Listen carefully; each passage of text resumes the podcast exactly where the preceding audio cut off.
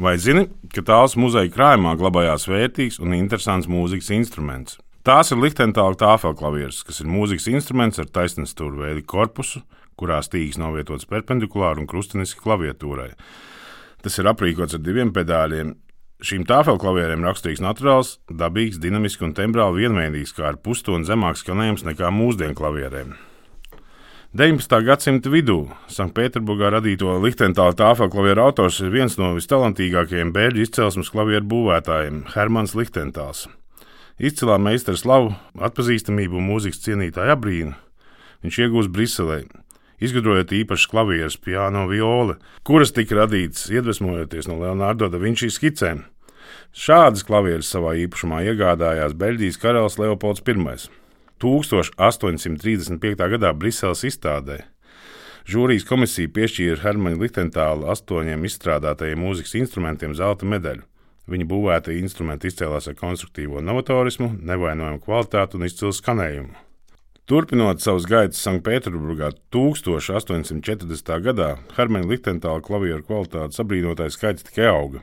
Ungāru komponists Ferenc Lists, viens no lielākajiem mūzikālā romantisma pārstāvjiem, Nevēlēdamies spēlēt uz citu ražotāju klavierēm, uz saviem klavieru koncertiem vienmēr veda līdzi Lichtentāla klavieres. 1853. gadā Lichtentāla uzņēmums Maskavas izstādē tika novērtēts ar sudraba medaļu un citiem apbalvojumiem. Jānis Kalniņš, viens no labākajiem ērģeļu un klavieru restauratoriem Latvijā, atzīmē, ka ievērojamais Tīringē dzimušais klavieru būvētājs Johans Treselts, kuram bija savs klavieru būvs uzņēmums tepat Latvijā, Rīgā, ir Hermaņa Lichtentāla skolnieks. Tresēta agrīnie instrumenti ir ļoti līdzīgi Lichtentāla klavierēm gan konstruktīvi, gan arī skanējumā.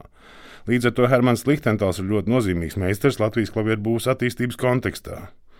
Jāpiebilst, ka saglabājušies Lichtentāla instrumenti ir uz roku pirkstiem saskaitām.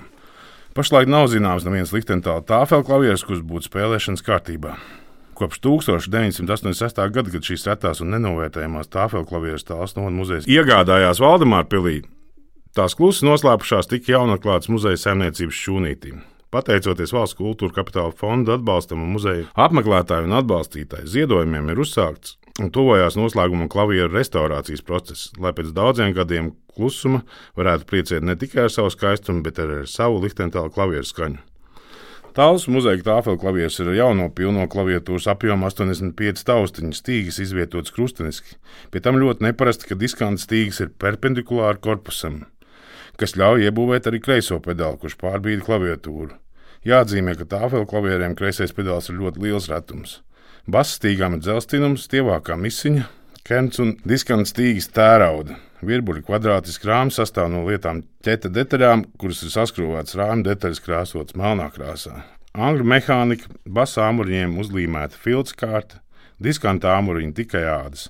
Taustiņu uzlīmes no ziloņa kaula, pustoņa taustiņiem melnkoks, korpus no masīva priedes koksnes. Vāks un korpus finierēta ar palisandra našfinieru, firmas nosaukums ar viņetēm uzklāta zeltīšanas tehnikā ar tam sakojušu pulēšanu. Kājas astoņas stūraņas ar apelām konsolēm, pedāļu lira ar diviem pedāļiem. Ļoti ceram, ka ar kopēju atbalstu jau šī gada 21. decembrī Lichtentāla klavieres varēs dzirdēt muzeja ikgadējā Ziemassvētku ballē.